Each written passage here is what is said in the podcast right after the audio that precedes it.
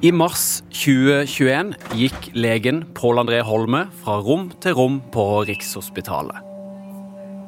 Han hadde fått inn tre alvorlig syke pasienter med symptomer han aldri hadde sett før. Det var den mest intense perioden i mitt liv. Det var, det var heftig, altså. Holme var overbevist om at det var AstraZeneca-vaksina som hadde gjort pasientene så syke. For alle sammen hadde fått vaksiner noen dager før de ble dårlige.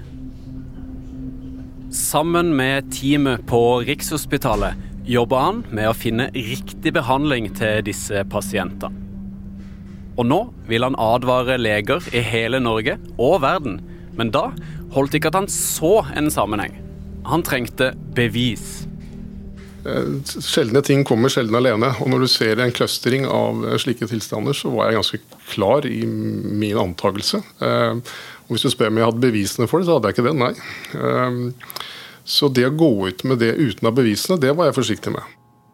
Over 130 000 nordmenn hadde nylig fått AstraZeneca-vaksina i armen, og det hasta å finne svar.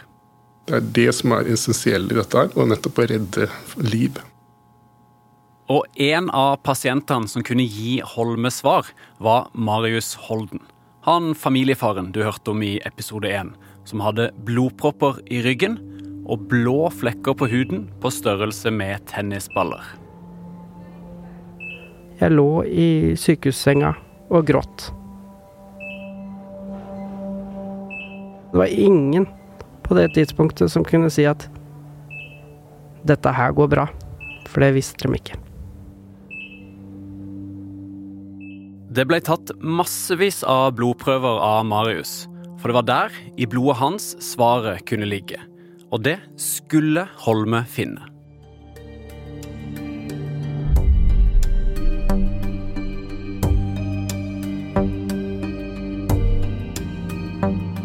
Dette er VGs podkast Alt fortalt.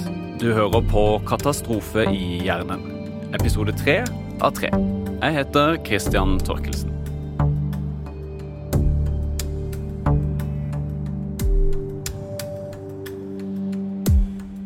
Det var 15. mars 2021, og Marius lå i sykesenga. Hele tida kom de og tok prøver av meg. De hadde tatt så mye prøver at de klarte ikke å finne blodårene mine. Da var jeg sliten. Teamet på sykehuset analyserte blodet, så på resultatene og kjørte det gjennom nye rutinetester. Enda en test og enda en test, i håp om å kunne avsløre om vaksina hadde skylda. I det tilfellet her så fikk vi svært få napp i startfasen. Du, du gir deg jo ikke med ett et svar, altså man går jo videre. Og så ser man om det er noe rundt neste stein isteden. Holme og teamet så nøye på blodet og hvordan det klumpa seg. De skanna Marius på jakt etter blodpropper, og de sjekka hvordan blodet fløyt gjennom kroppen. Og det er et møysommelig detektivarbeid, rett og slett. Og ganske fort fikk Holme og teamet svar på tester som pekte mot at det kunne være vaksina. Men svarene var ikke håndfaste nok. Selv om når vi første indisiene på at det var en sammenheng med disse prøvene kom, så, så var det jo mange som advarte meg mot å gå ut med det. Det, jeg, det var det mange som gjorde, som fremdeles mente at dette var for på tynt grunnlag og kunne være tilfeldigheter. og Det var ikke måte på hvor mye rare forklaringsmodeller jeg møtte på. Men det var kanskje ikke så rart at Holme ble advart. For det å så tvil om ei vaksine som var godkjent, og som mange var avhengig av, det var vanskelig å gjøre uten bevis. Holme har ikke så lyst til å fortelle oss hvem som advarte han. Men snart skulle det bli tydelig for alle at han hadde dårlig tid. Og fra sykesenga skulle Marius se på TV-en at det hadde skjedd noe. Ok, eh, Velkommen til pressetreff eh, på Legemiddelverket sammen med Rikshospitalet. Det var innkalt til stor pressekonferanse i Oslo sentrum. Der sto Holme og kollegaene og så på, mens journalistene satte opp mikrofoner på et podium.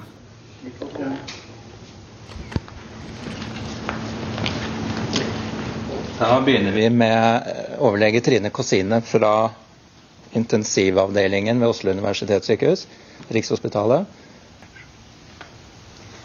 Ja, jeg heter Trine Kåsene. Jeg jobber på Rikshospitalet og hadde vakt i helga.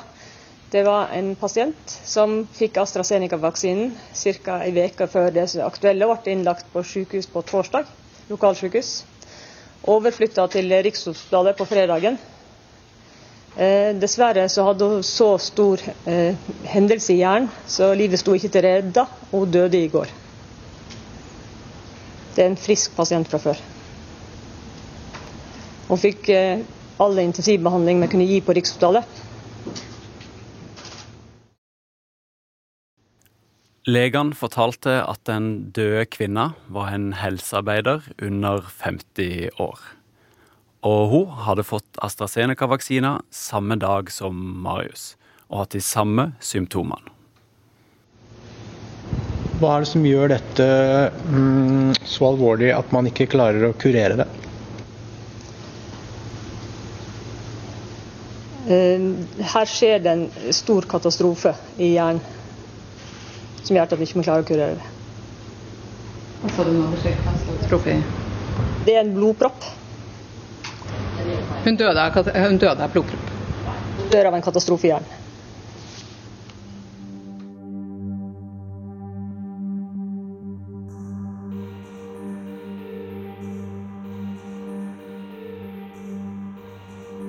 Katastrofe i hjernen betyr at en blodpropp tetter ei blodåre som skal føre blod ut av hjernen.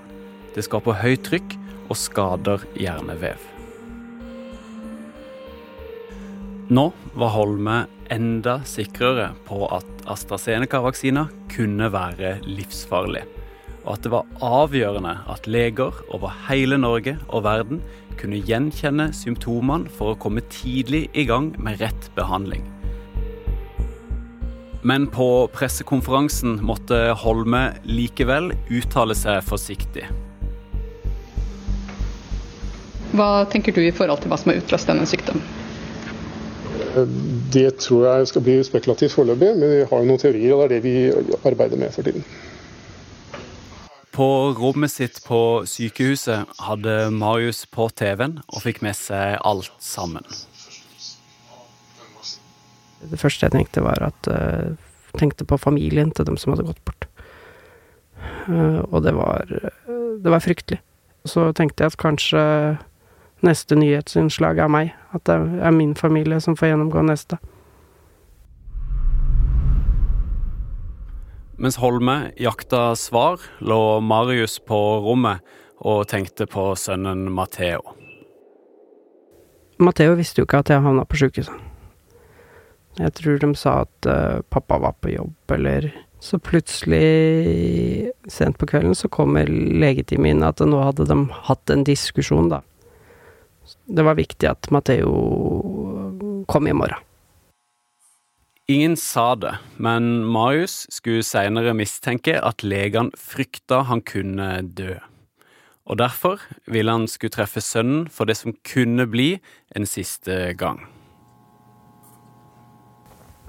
Kvarter før så ble jeg pumpa full med morfin. Jeg, rett før det så klarte jeg ikke å gå ut av senga, men etter den runda med morfin, så jaggu kom jeg ut av senga, jaggu klarte jeg å gå lite grann. Vi, møtt, vi møttes ute.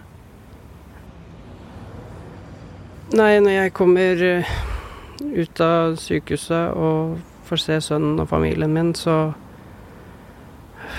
Det var en utrolig god følelse, men samtidig veldig rar. Fordi det var kjempeflott å se dem. Men på det tidspunktet så var fortsatt tilstanden min kritisk. Så jeg visste ikke om åssen dette går fortsatt. Så se, står jeg og ser på kona mi, og hun har tårer i øya. Hun står to meter unna med, med munnbind. Og jeg har ikke sett henne på lenge, og jeg, jeg får ikke gitt henne en klem eller kyss engang. Men Matheo fikk jeg ha på fanget mitt og, og gi han en klem. Og han ga en klem, og når han ga den klemmen, da, da tok det lang tid før han slapp. Han òg syns jeg hadde vært lenge borte.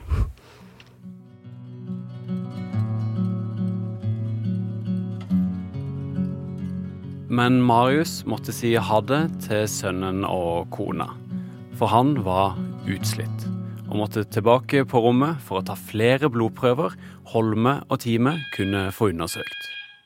Nei, Det er fokus, fokus, fokus. Gå fra skanse til skanse, rett og slett.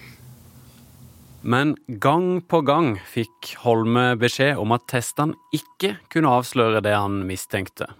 Altså man, man, forholder seg til de svarene man får, men det er ikke alltid man stoler på de svarene man får. Eh, og Da går man videre. Dette var ikke enkelt. Det var til og med sterke stemmer som sa det motsatte av det Holme mistenkte. En representant for AstraZeneca hadde noen dager tidligere gått ut på TV 2-nyhetene og sagt at det ikke var noen grunn til å tro at vaksina var farlig. De rapporterte tallene for denne typen hendelser de er ikke større enn det antallet som ville ha skjedd naturlig i en uvaksinert befolkning. Hvordan de kunne si det, eh, det var for meg uforståelig. Indisiene talte for at dette var en sammenheng med vaksinen. Og, og, jeg husker jeg ble ganske provosert når AstraZeneca gikk ut og sa at de trodde ikke dette hadde noen sammenheng. Det var noe som ikke ga helt mening med Holmes teori. For i Storbritannia hadde de vaksinert mange flere enn i Norge. 11 millioner. Og det var ikke rapportert et eneste tilfelle av det Holme så flere av i Norge.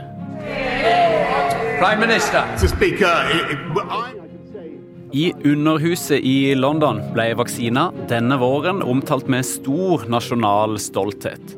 Det britiske Oxford-universitetet og AstraZeneca hadde samarbeida om å utvikle den. Og helseminister Matt Hancock talte i mai 2021. This is the biggest gift that this country could give to the world. Statsminister Boris Johnson fortalte at han sjøl skulle få AstraZeneca-vaksina. Uh, but, uh, but it will certainly be Oxford AstraZeneca that I will be having. Var det noe Holme og teamet på Rikshospitalet hadde misforstått? Hvis du får ett tilfelle, så, du, så er det gjerne tilfeldig. Hvis du får mange tilfeller på samme tidspunkt, så er det gjerne en sammenheng.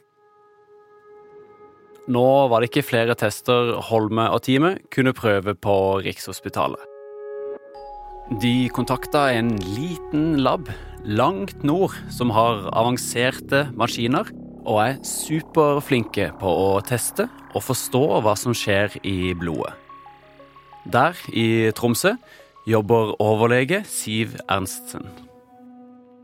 Det var nå helg, og så husker jeg veldig godt at det sto med kjøkkenbenken egentlig hjemme og scrolla på, på telefonen, og så kom det jo med det var vel et bilde i VG om Pål Holme. Og da husker jeg at jeg sendte en snap med en gang til de kollegaene mine, de tre andre, at ikke sant, hva er det her? Det her kan jo være noe helt nytt som verden aldri hadde sett. Jeg bare skjønte at her kom vi til å bli involvert. Jeg bare visste det. Overlegene Ingvild Sørvold, Ingvild Lægreid og Siv Ernstsen pluss forsker Maria Therese Allen rigga seg til på hjemmekontor rundt om i Tromsø. De fire kollegaene skulle snakke om hva de kunne gjøre for å finne svarene Holme trengte. Én etter én dukka opp på skjermen. Så jeg satt nå oppe på, jeg, på loftstua vår i en stol, og, og så er det mye fliring og litt, og så er det litt unger som roper liksom 'hallo, mamma'. så det blir jo litt Det er nå litt sånn det men det er vi vant til. Og det, alle har jo unger, så vi vet jo hvordan det er. Så det, er ikke, det var ikke spesielt formelt, men, men, som sagt, gjennom alt fjas og tøve så er det mye seriøst. da, Så vi, vi, vi var helt klar på at dette, dette var alvorlig. Vi var nødt til å finne, komme raskt på banen. I videomøtet hadde de diskutert hva dette ligna på, og bestemt seg for hva de skulle lete etter. Og da telefonen fra teamet til Holme kom, var de klare. Blodprøvene til Marius og de andre pasientene ble pakka ned og sendt med ekspressfart med fly nordover. Framme i Tromsø ble blodprøvene lasta ut av flyet og kjørt til sykehuset. De ble tatt med inn i ei moderne, høy blokk med hvit, blank fasade. Opp heisen til tiende etasje, inn bak ei rekke dører og endelig levert til blodplatelaboratoriet. Da var prøvene kommet i hus, eh, og da var det bare å si ja, takk for beskjeden, og vi, vi går i gang. Nå ble pakka med blodet til Marius åpna, og de bråkete, svære maskinene ble mata med blodprøver.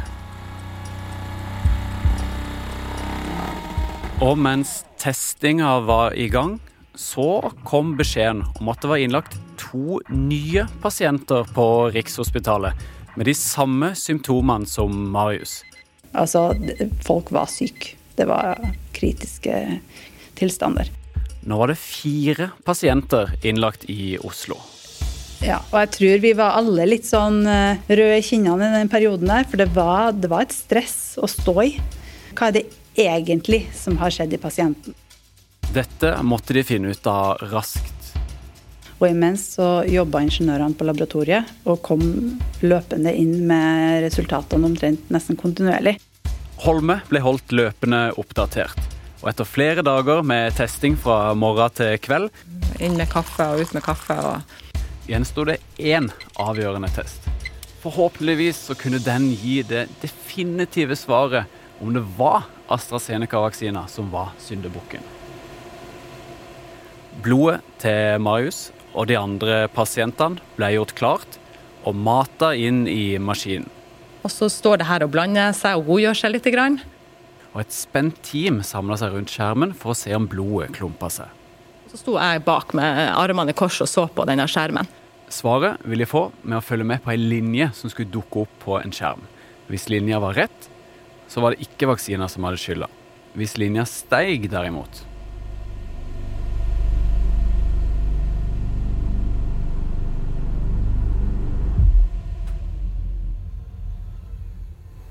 Den steg med en gang. Bare rett skyhøyt. Det har vi ikke sett før. Det her skyldes vaksineringa. Da er det ikke til å unngå å få frysninger.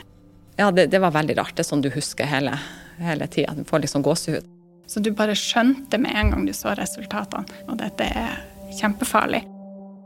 Da husker jeg at jeg tok et skritt til side og tenkte at oi, betydninga av det her er, kan jo bli enormt. For det er så mange som er vaksinert. Friske, unge helsearbeidere. Eh, så får en så dødelig eh, bivirkning av en vaksine. Det kunne jo skje med hvem som helst når som helst. Man begynner jo å få litt sånn på gåsehud fordi at er det andre som er i fare? Um, og hvorfor er det ingen som har rapportert om det her før? Er det bare her det skjer? Resultatene var tydelige. Konklusjonen var klar. Det var vaksiner som førte til de voldsomme bivirkningene på pasientene som lå innlagt i Oslo. Forskerne i Tromsø hadde funnet ut at nøkkelen lå i Marius sitt immunforsvar. Den delen av kroppen som beskytter oss mot sykdommer. Kroppens eget forsvar hadde reagert på vaksina med å sette i gang et angrep på inntrengere som egentlig ikke var der. Senere skal en forsker sammenligne det som skjer, med å vekke en sovende drage. Svaret de hadde funnet, vil gjøre det lettere å identifisere symptomer og behandle pasienter. Og nå satt det lille laboratoriet på en verdensnyhet. Da var det bare viktig å få videreformidla de resultatene. I Oslo lyste telefonen til Holme opp med det ene ukjente nummeret etter det andre. Hele Presse-Norge ville ha tak i han, og telefonen dura i ett. Fortsatt visste han ingenting om den avgjørende testen i Tromsø. Men han hadde fortalt om noen foreløpige funn i VG samme morgen. Og det ville alle høre mer om. Noe informasjon har lekket litt. Grann. Det begynte å gå mye rykter, så da var det like greit å ta tyren med ordene og så gå ut. Teamet til Holme bestemte seg for å kalle inn til pressekonferanse Og ikke lenge etterpå stilte de seg opp på gresset utenfor Rikshospitalet. Nei, nå står vi utenfor Rikshospitalet hvor overlege Pål André Holme skal opplyse om eh, det siste rundt eh, AstraZeneca-vaksinen, etter at det ble kjent at eh, det, altså, det var et, et trykk som som, du kan ikke forestille deg engang. Altså, det var, ja, det, det var helt, helt, helt vilt. Og rett før Holme skulle ta ordet, så dura det i mobilen hans. Han titta på skjermen og skjønte at dette var en telefon han måtte ta. Jeg husker at vi fikk inn resultater rett etter halv ett. Og vi visste at uh, Oslo skulle gå ut og lansere en hypotese, og vi tenkte ok, ti på ett, han er sikkert opptatt, men disse resultatene vil han ha. Denne telefonen vil han ta før han går på, ut på det gresset.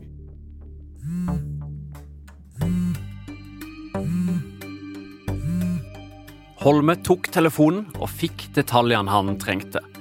Nå hadde han endelig mulighet til å si med sikkerhet det han hadde mistenkt hele tida. Liksom det siste spikeren jeg trengte for å vise at dette var faktisk det, at dette hadde en sammenheng med dette å gjøre. Pål, du bare begynner.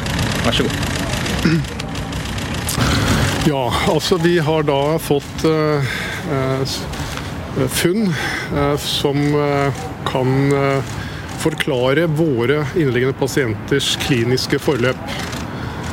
Så det her er pasienter som har vært vaksinert av et tidsrom fra 3 til 10-12 dager fra de får disse eh, komplikasjonene. Og ja Jeg ser ikke noen annen mulighet per i dag.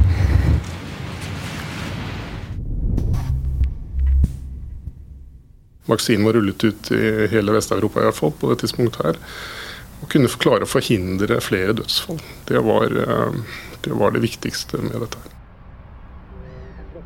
Nyheten spredte seg lynraskt verden over, og Holmes budskap kunne leses i alt fra Bosnia til Filippinene til helt ned på tuppen av Argentina.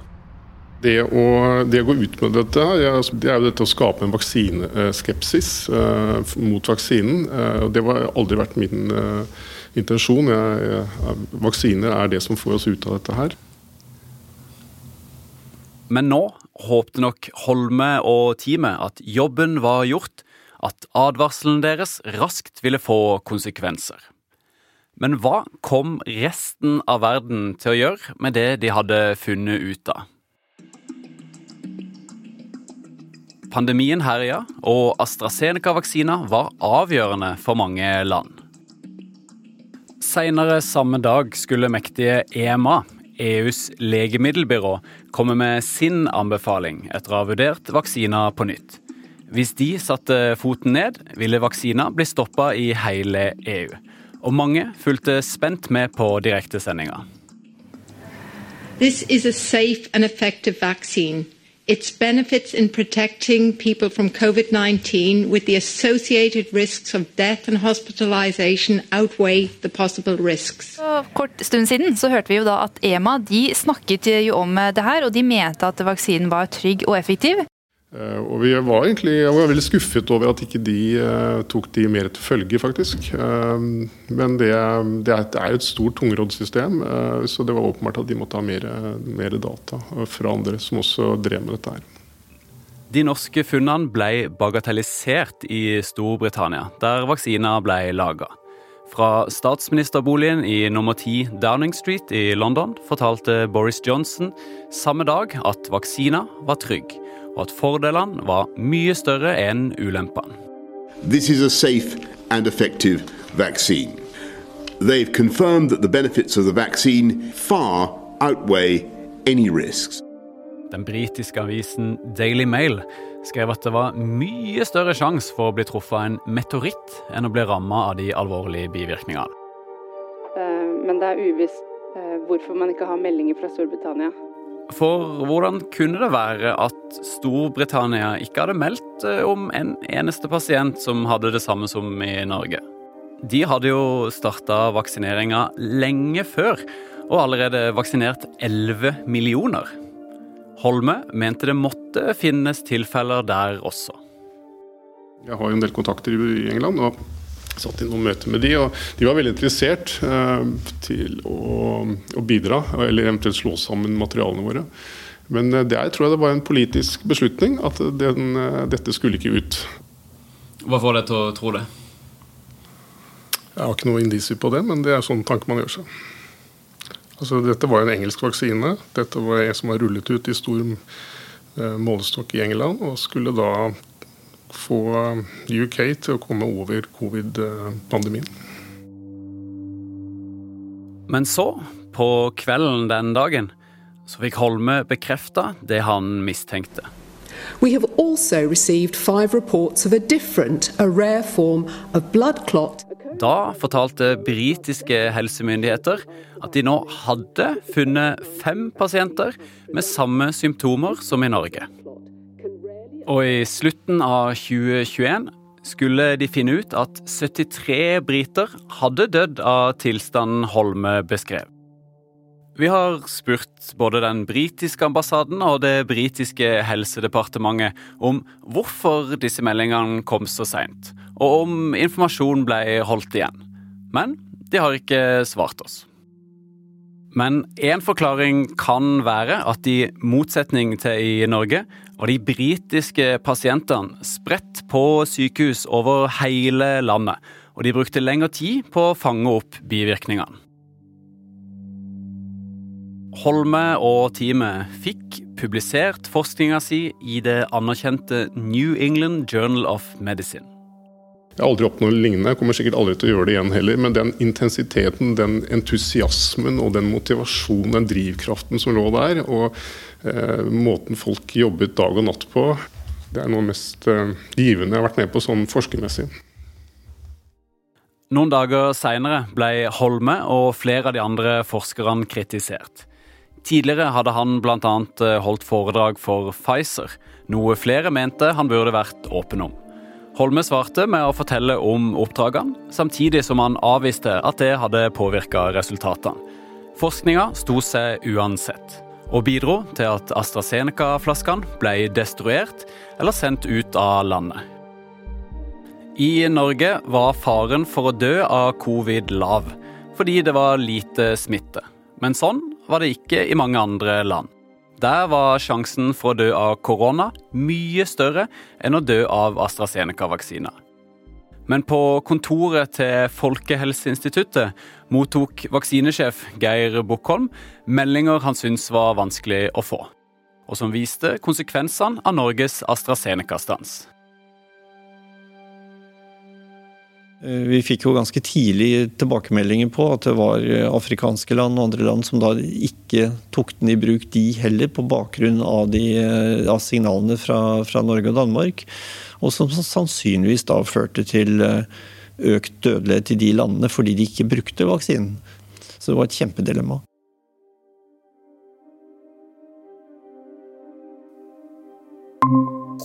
Hei, hører du meg? Hallo. Ok, på telefon fra AstraZenecas kontor i Stockholm forteller Jakob Lund at vaksina har redda rundt én million liv rundt om i verden. Lund understreker at både produksjonen og testinga av vaksina har fulgt alle protokoller. Men han tar selvkritikk på måten han i mars 2021 gikk ut på TV 2-nyhetene og forsvarte vaksina. Jeg tror både jeg og andre har lært oss at uh man skal være forsiktig med å være kategoriske. Eh, og, og i, en, i, en, sånn tidlig fase der det er veldig mye usikkerhet. Hva ønsker dere å si til de som ble ramma av disse alvorlige bivirkningene? Det er fryktelig tungt. Eh, når friske mennesker eh, dessverre rammes av svært, svært sjeldne bivirkninger. Eh, når de tar det som skulle være en vaksine for å, for å beskytte dem mot den, den tross alt veld, veldig smittsomme og, og uh, alvorlige sykdommen som, som, vi har eh, levd med nå i de siste par åra.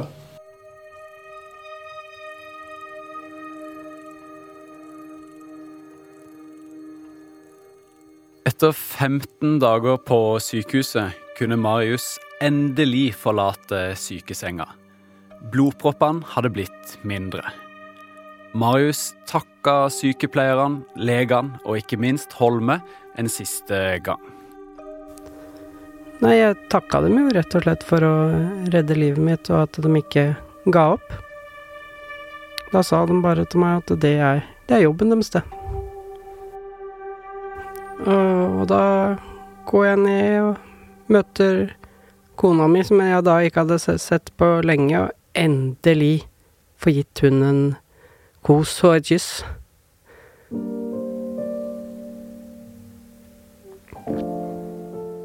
Bilturen hjem så satt, sa vi ikke stort, egentlig. Vi snakka bitte litt, og så holdt vi hender og strøk på hverandre, og så kikka vi på hverandre, og det de, Den blikkontakten, det sa mer enn tusen ord, da, for å si det sånn.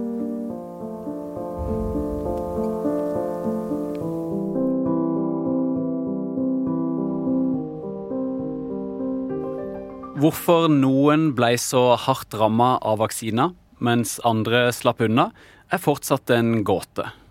For vaksinene til Pfizer og Moderna er det ikke rapportert om dødsfall hos friske mennesker. Men fem nordmenn døde av AstraZeneca-vaksina, ifølge Legemiddelverket.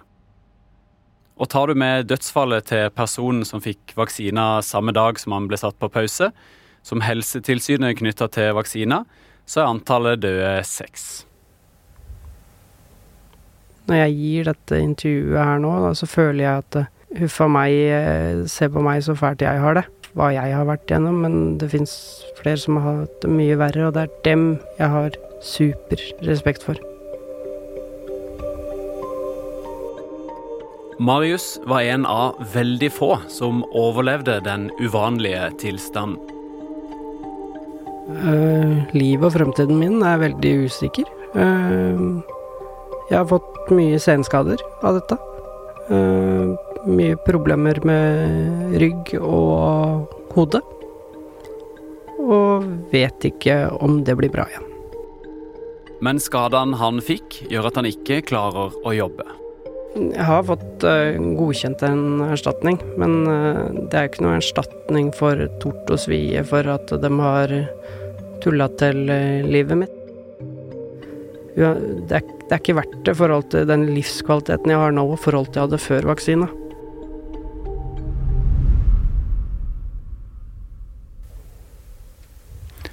Har du fått noe forklaring eller unnskyldning eller lignende? Ingenting. Ingenting. Er det noe du skulle ønske du fikk? Ja, det skulle jeg ønske Det er det minste de kunne gjort, og det Jeg har jo prata med andre òg som dette gjelder, og folk tenker jo akkurat det samme. En beklagelse. Det er det minste de kunne gjort.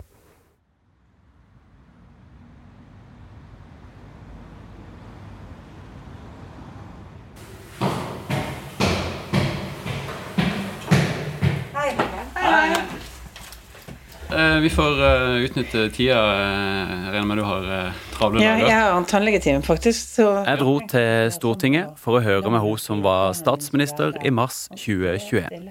Erna Solberg.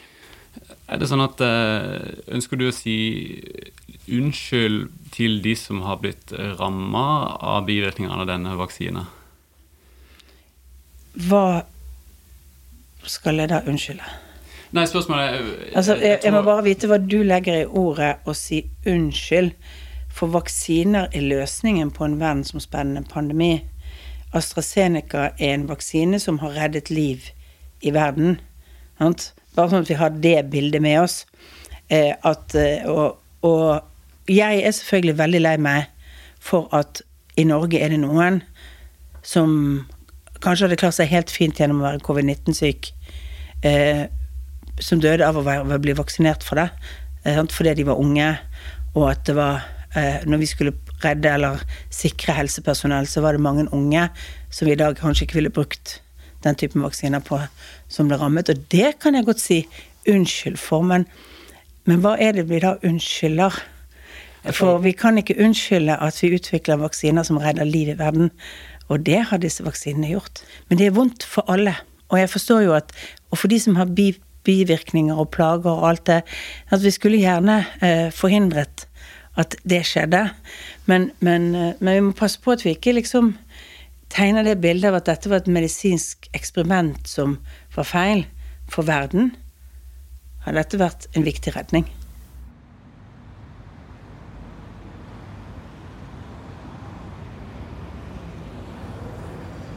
Livet er fylt med farer. Uansett hva du gjør eller ikke gjør, vil det alltid være en sjanse for at det kan gå galt. Om du sykler, tar en Paracet eller kjører bil. Om du tar vaksine eller ikke tar vaksine. Ca. 1 av 17 000 ble ramma av de sjeldne bivirkningene av AstraZeneca i Norge, ifølge Legemiddelverket. Så for de fleste gikk det bra. Men det hjelper jo lite, fordi det gjaldt. Marius ble i høsten 2021 far for andre gang. Da ble lille Noah født.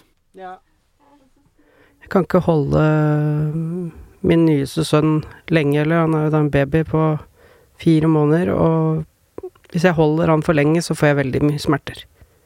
Så man må på en måte regne med å være med på en dugnad. Det var mange som sa at ja, dette er dugnad. Jeg følte meg ikke som en dug, noe dugnad. Jeg hadde ikke meldt meg på noe dugnad med livet som innsats. Jeg meldte meg aldri på som en forsøkskanin.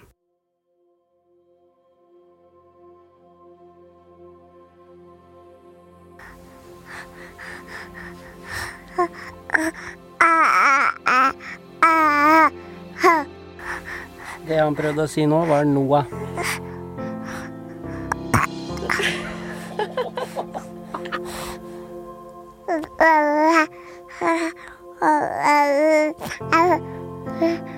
Katastrofe i hjernen er laga av Ida Tune Øretsland, Askild Matre Aasarød og meg, Christian Torkelsen. Ideen bak er av Line Fausko. Nyhetsleder er Maria Mikkelsen. Musikk er komponert av Ronny Furuvik og Epidemic Sounds. Ansvarlig redaktør er Gard Steiro. Du har hørt en podkast fra VG.